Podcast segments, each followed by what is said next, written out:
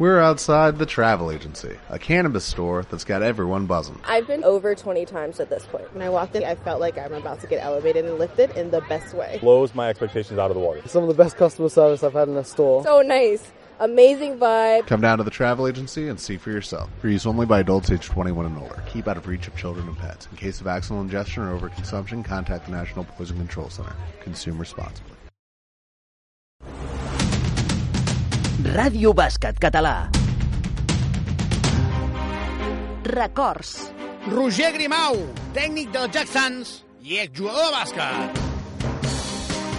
Recordo que eren uns anys on jo els dies concrets que entrenava, que era dimarts i dijous, me'n recordo tota la vida, doncs sempre he explicat que anava supercontent al col·le perquè sabia que quan acabava anava, tenia entren, no? I m'ho passava teta. Eren dos dies, per mi, els millors dies de la setmana, sens dubte. Per què vas començar a jugar a bàsquet? Suposo perquè, bueno, primer de tot perquè m'agradava, i en cap moment vaig forçat a triar res, però, bueno, òbviament el meu germà gran ja veia molts partits seus, el meu pare portava un equip de, de nens a, a Sant Madí, doncs em va entrar per les venes. Jo me'n recordo que anava a veure els entrenaments del meu pare amb una piloteta i estava votant per allà al costat i, i l'acompanyava als entrenaments i suposo que va ser un procés molt natural. El meu pare com la meva mare jugant a bàsquet, el meu germà gran, el Jordi també, i d'aquells primers entrenaments, què és el que més recordes?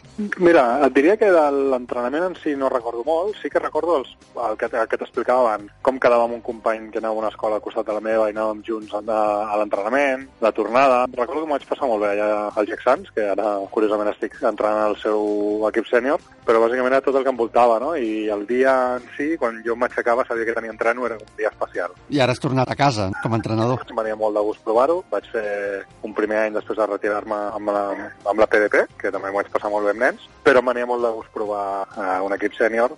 Jackson em va proposar ser-ho, el del seu equip Lliga EVA, i bueno, trobo que és una manera molt romàntica de començar, no? A començar com a entrenador, allà on vaig començar com a jugador.